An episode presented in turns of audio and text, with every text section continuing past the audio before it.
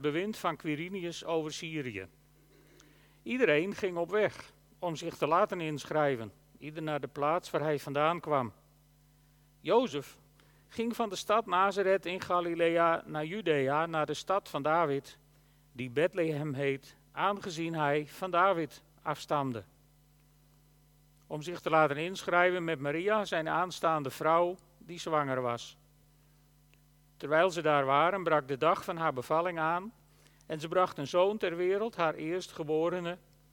Ze wikkelde hem in een doek en legde hem in een voederbak, omdat er voor hen geen plaats was in het nachtverblijf van de stad. We hebben hier te maken met een schoolvoorbeeld van een ingrijpende overheidsmaatregel. Keizer Augustus hield een toespraak en iedereen moest op reis. Kort geleden hield premier Rutte een toespraak en niemand mag meer op reis. En toen ging iedereen op reis. En tegenwoordig doen we dat ook gewoon, toch? Maar ja, in die tijd was het iets minder handig om een overheidsmaatregel aan je laars te lappen. Samen naar het Malieveld was geen optie.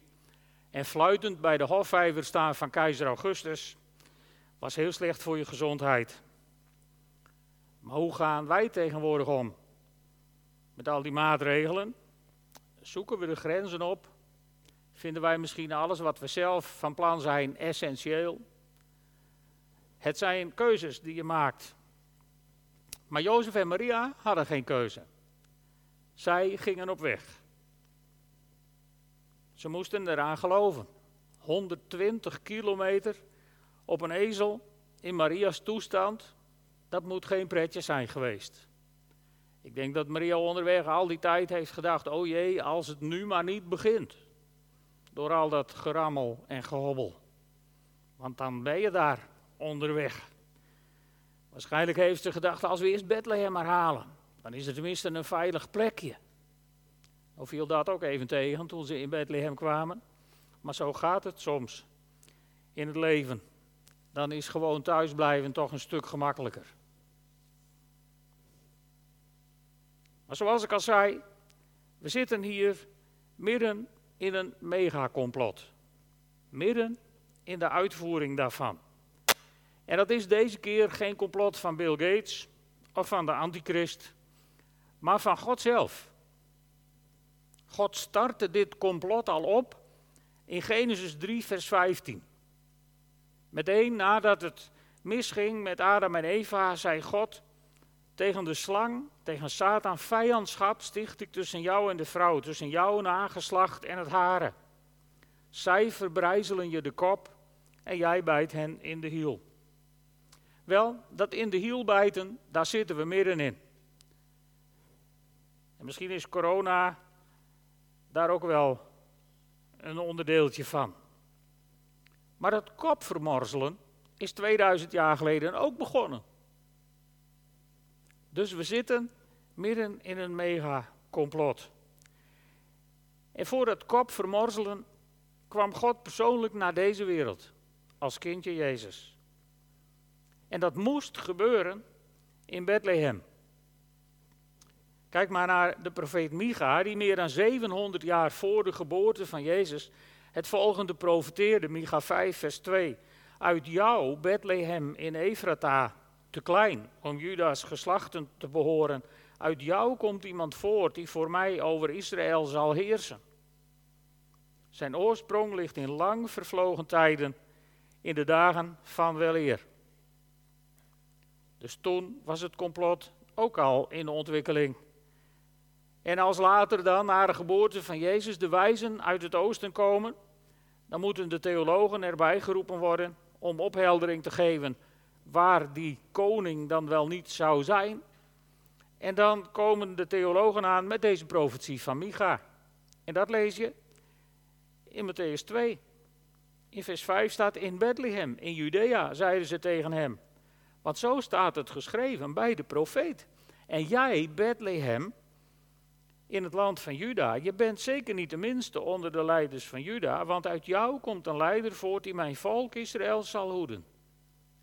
Dus op de keper beschouwd, terwijl keizer Augustus zichzelf een hele piet vond, was hij slechts een radertje in Gods machinerie om de profetie van Micha in vervulling te laten gaan. Iemand moest er uiteindelijk voor zorgen dat Maria in Bethlehem kwam. En omdat het om de geboorte van een koning ging, gebruikte God een keizer om dat te regelen. En toch dreigde het opnieuw mis te gaan. Want er was geen plaats in Bethlehem. Nou zijn Oosterlingen normaal gesproken bekend om hun gastvrijheid. En uh, ik las dus een uitleg van een Joodse geleerde die ook vond dat wij in het Westen deze tekst volkomen verkeerd interpreteren. Hij zei daarover het volgende. De mensen konden er niets aan doen dat de herberg vol was.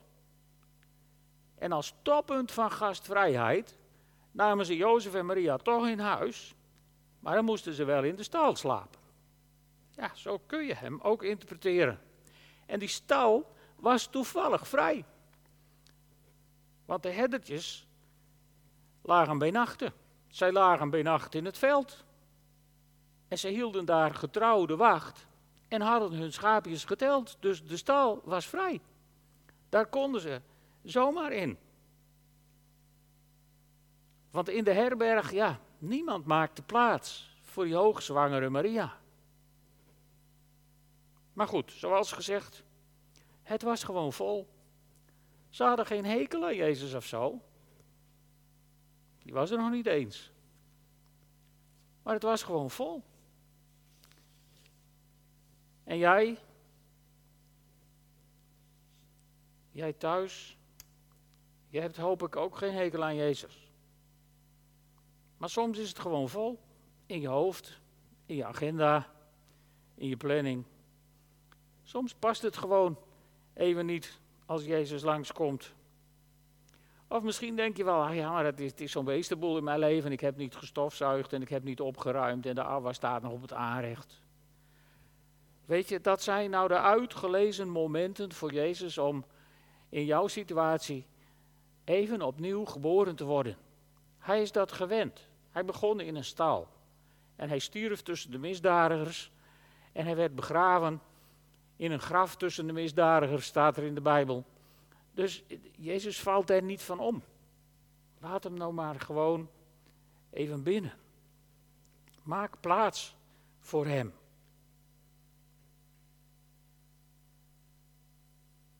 Met kerst komen we normaal gesproken met z'n allen in de kerk.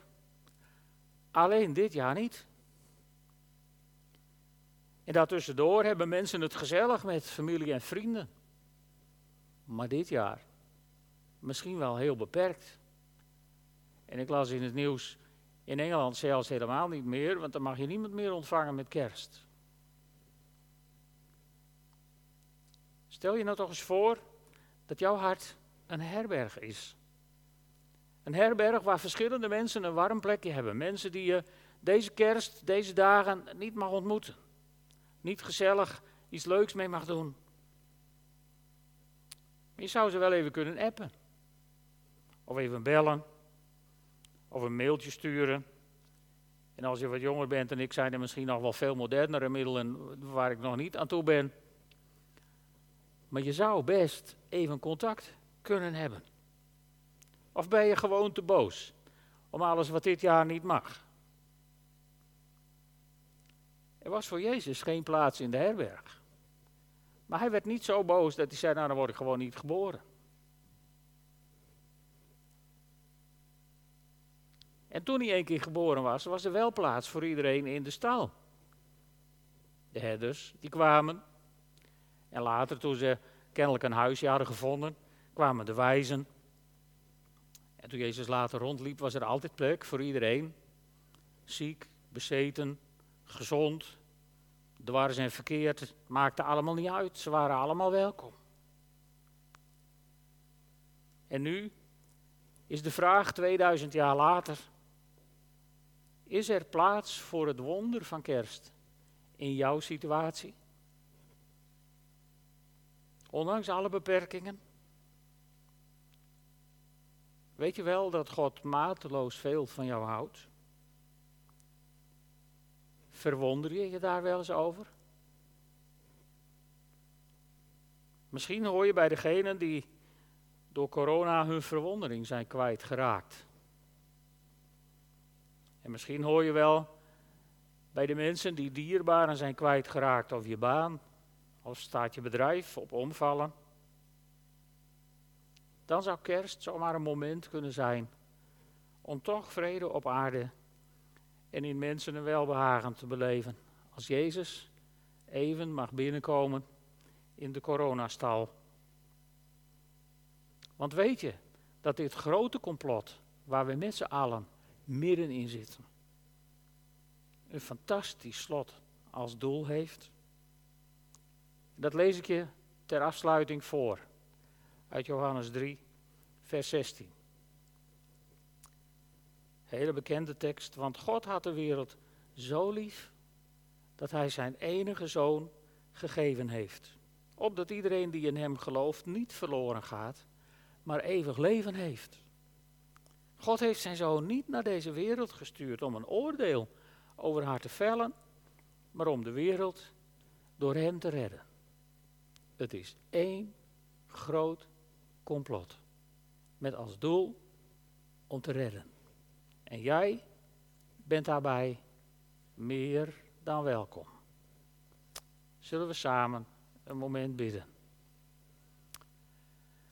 Heer God, ik dank u wel dat u naar deze wereld kwam om te redden. Dat u niet naar deze wereld kwam om een oordeel te vellen. Dat u niet naar deze wereld kwam om, om heel veel ellende die we in andere complottheorieën zien te doen voltrekken. Maar dat u met uw complot naar deze wereld kwam. Heer, u hebt het beste met ons voor. En sommige mensen zitten misschien wel in omstandigheden dat ze dat op dit moment amper kunnen doorgronden. Maar dan bid ik om een bijzonder werk van uw Heilige Geest. Heer, want u bent ook de God die troost, die geneest en die bevrijdt.